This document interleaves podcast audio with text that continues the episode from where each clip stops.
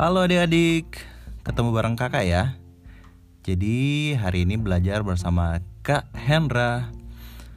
Kita hari ini belajar mengenai bangun ruang. Tapi sebelum itu, sebelum kalian pelajari tentang bangun ruang, kalian harus paham dulu nih mengenai bangun datar. Nah, apa sih yang namanya bangun datar tersebut? Nah, bangun datar itu memiliki ciri-ciri yang mendatar. Ya tidak memiliki ruang. Contohnya nih, kalian ambil satu buah kertas HVS yang berwarna putih bebas. Tapi rata-rata uh, kertas HVS itu warnanya putih ya. Jadi kalian ambil satu kertas HVS, kalian lihat deh berapa garis di sana. Kemudian kalian lihat ciri-cirinya. Masuk gak kira-kira dengan ciri-ciri yang kakak uh, sebutkan tadi atau jelaskan tadi. Oke, masuk ya. Jadi kertas HVS itu tidak memiliki ruang dan uh, sifatnya mendatar. Ya, apa pun yang mendatar itu berarti bangun datar. Oke.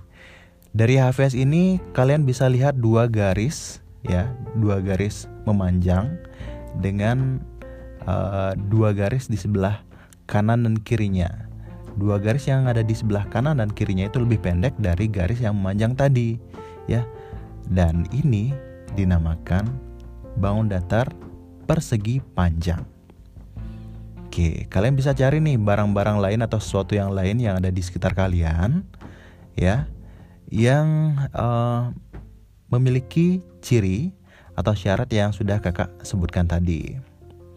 Nah, kalian bisa ambil tutup toples deh, ya. Tutup toples itu tidak memiliki ruangan, ya, dan sifatnya mendatar. Jadi, kalau kalian memilih uh, tutup toples, uh, kalian bisa googling sekarang, bisa browsing. Kalau tutup toples kan bentuknya lingkaran ya, jadi itu oke sudah memenuhi persyaratan sebagai bangun datar. Kalian bisa cari bangun yang lainnya jadi hmm, kalau bisa kakak contohkan lagi, ada apa lagi ya? Hmm, ada layang-layang. Nah itu adalah merupakan bangun datar. Contoh bangun datar. Kalian bisa browsing lagi ya. Oke, kita lanjut lagi ke bangun ruang. Kalian sudah mengenal tentang bangun datar, kalian sekarang belajar tentang bangun ruang. Sama seperti perjanjian kita di awal ya, kita akan belajar mengenai bangun ruang. Oke, uh, sebelumnya kalian harus googling dulu nih. Um, bangun ruang ada berapa jenis? Banyak ya. Bangun ruang ini pengertiannya memiliki ruangan, memiliki ruang itu sifatnya atau syaratnya sebuah bangun ruang itu harus memiliki ruang. Seperti contohnya, bola yang kalian sering mainkan di lapangan itu merupakan sebuah bangun ruang. Apa sih namanya? Nah, namanya bola. Kalau dalam matematika itu namanya bola. Oke. Nah, tumbler yang kalian sering bawa uh, ke sekolah atau bawa ke mana pun kalian pergi gitu ya. Itu merupakan bangun ruang. Tumbler memiliki ruangan dalamnya dan itu disebut bangun ruang. Apa sih namanya? Namanya tabung. Ya oke uh, kalian bisa cari-cari lagi contohnya. Kita ambil contoh yang lain lagi untuk kubus. Oke kubus. Uh, kakak instruksikan kalian untuk mengambil sebuah kertas untuk kalian tulis di atasnya ya atau bebas buku boleh atau apa pun yang bisa kalian gunakan untuk menggambar buku gambar juga boleh. Kalian ambil pulpen ataupun alat tulis lainnya kalian gambar sebuah kubus. Tapi uh, kakak sarankan untuk kalian terlebih dulu mencari ya terlebih dulu mencari mencari ya bangun kubus ini seperti apa Oke, bangun kubus ini terbentuk dari Oke, sudah siap menggambar ya. Terbentuk dari beberapa sisi. Nah, kalian kalian tarik garis dulu. Tarik garis dari atas ke bawah, kemudian ke samping, garis lurus. Kemudian ke samping lagi. Berarti sudah ada tiga garis di sana kalian garis lagi sehingga membentuk sebuah persegi. Ya. Kalian tarik garis lagi dari sudut-sudutnya. Ada empat sudut di sana. Kalian tarik satu-satu. Kemudian kalian garis lagi. Sehingga jika kita hitung sekarang ada beberapa sisi. Kita hitung deh satu, dua, tiga, empat. Berarti ada empat sisi di bagian sampingnya. Ada samping kanan, samping kiri, ada samping sisi depan dan sisi belakang. Ada empat sisi di sana di bagian kubusnya. Dan ada dua sisi di bagian atas dan juga di bagian bawah. Berarti sudah ada enam sisi di bagian kubus. Nah, bagaimana kalau semuanya sebuah balok? Nah, balok ini perbedaannya hanya memiliki dua persegi panjang. Ah, oh bukan, bukan dua persegi panjang, empat persegi panjang. Dua persegi panjang di bagian depan dan belakang dan dua persegi panjang di bagian atas dan di bagian bawah. Kemudian di samping kanan dan samping kirinya apa nih? Oke, itu bisa bentuknya persegi panjang juga atau bisa juga bentuknya persegi. Yang jelas di bagian sisi samping kanan dan kirinya itu ukurannya lebih kecil dari uh, sisi di bagian atas, bawah dan depan belakang. Seperti itu. Nah, itu yang dinamakan balok. Kalau kalian melihat balok-balok es uh, ya, itu mirip sekali bentuknya seperti itu. Kalian bisa melihat box, box itu mirip uh, balok, bangun ruang uh, balok ini. Kemudian apa lagi nih lemari es, kemudian kulkas sama sih. Kemudian uh, lemari yang kalian miliki di kamar itu merupakan balok juga.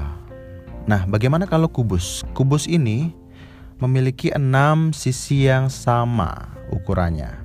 Sehingga nanti rumusnya kalau kalian mencari volume, volume kubus ini adalah sisi dikali sisi dikali sisi, ya. Seperti itu.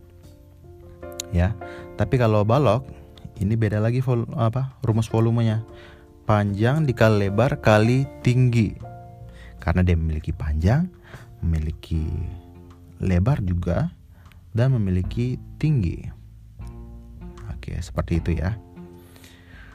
Uh, kita cari lagi untuk bangun ruang di uh, di bagian lainnya nih. Uh, ada ada kerucut. Kalau kalian melihat kerucut ini mirip sekali dengan uh, topi ulang tahun. Ya.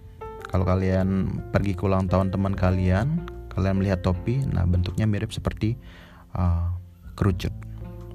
Atau kalian pernah melihat atau menonton uh, film, film kartun? Ada sebuah istana, jadi atapnya mirip seperti kerucut ini. Oke, seperti itu ya. Tumpeng, itu juga uh, berbentuk kerucut ya. Oke, sudah, sudah ada bayangan ya. Nah, sekarang kita bongkar nih. Kita ingin tahu nih, apakah uh, kerucut ini memiliki titik sudut ya atau memiliki titik puncak yeah.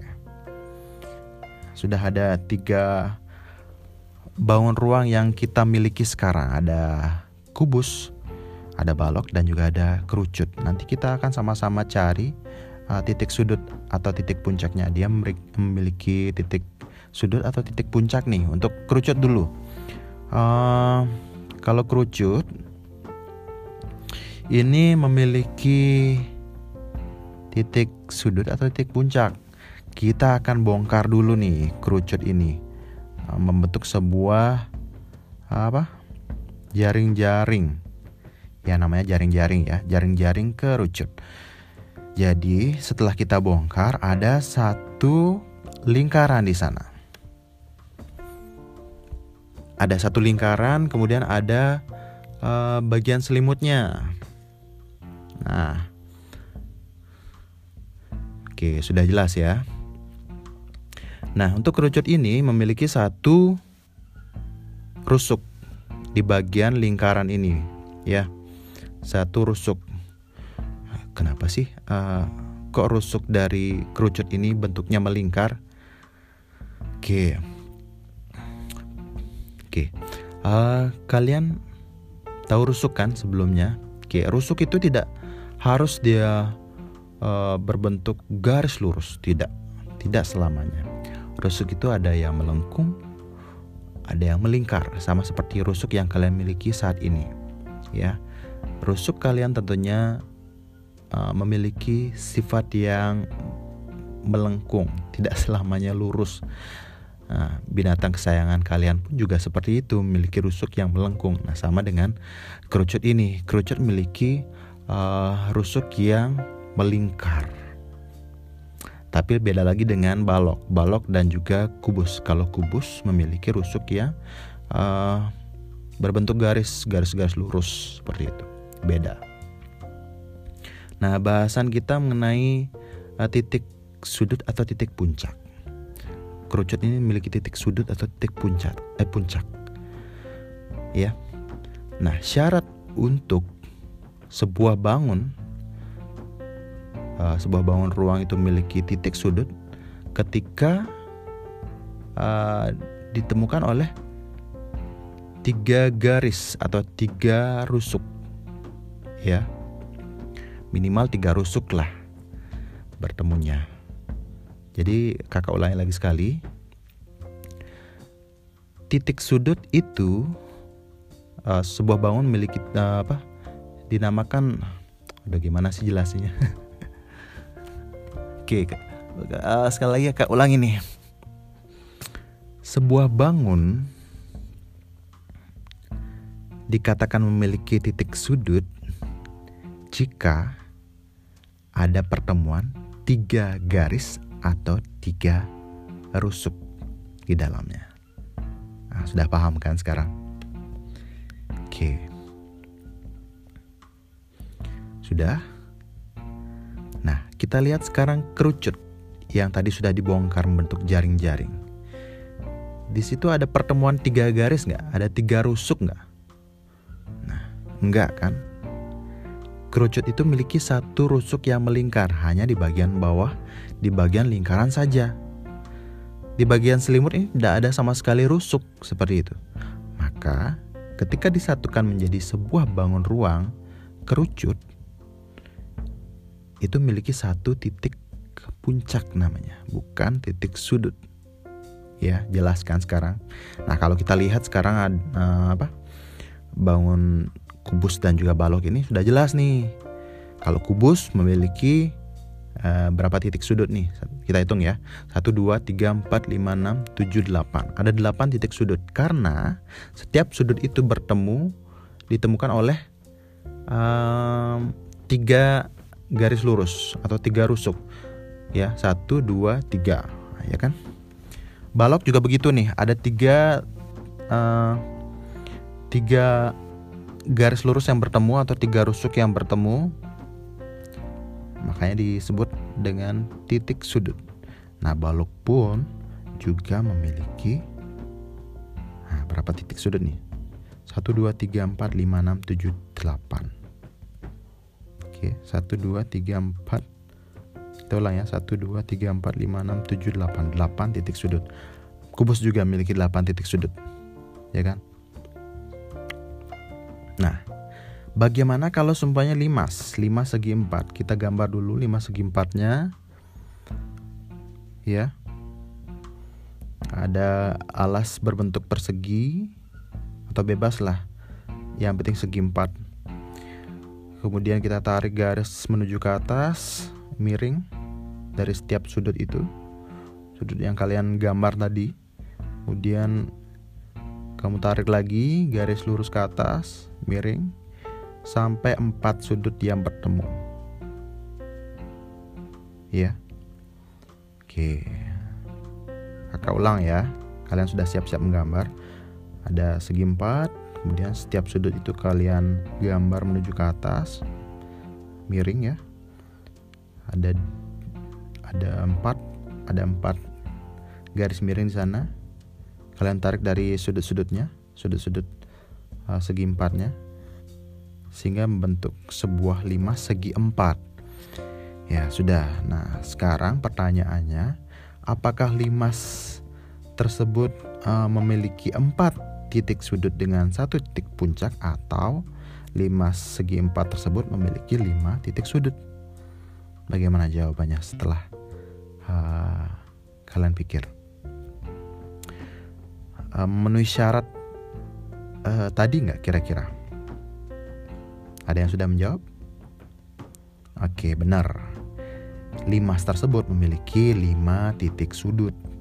Kenapa memiliki lima titik sudut? Karena uh, setiap titik sudut itu sudah memil apa? Sudah memenuhi persyaratan dari pengertian yang kakak jelaskan tadi. Dia bertemu dengan minimal tiga rusuk atau tiga garis. Nah, di situ ada empat titik sudut di bagian bawahnya. Lalu bagaimana yang di bagian atasnya? Nah, di bagian atasnya itu sudah bertemu empat garis di sana atau empat rusuk. Satu, dua, tiga, empat. Sehingga lima segi empat memiliki lima titik sudut empat titik sudut di bagian bawah dan satu titik sudut di bagian atas. Beda dengan kerucut. Oke, sudah ketemu kan jawabannya sekarang? Nah, mudah-mudahan kalian bisa pelajari nih untuk bangun-bangun lainnya. Oke, pelajaran kita hari ini cukup sampai di situ. Jika kalian ada yang ingin tanyakan, kalian bisa langsung chat kakak nih ya. Jadi kalian bisa hubungi langsung ke email hendra wirawan 6 at gmail.com ya kakak ulang lagi kalau ada yang ingin bertanya kalian bisa langsung hubungi kakak melalui email hendra wirawan 6 at gmail.com kakak akhiri pelajaran hari ini mudah-mudahan kalian bisa paham ya Selamat siang. Sampai jumpa.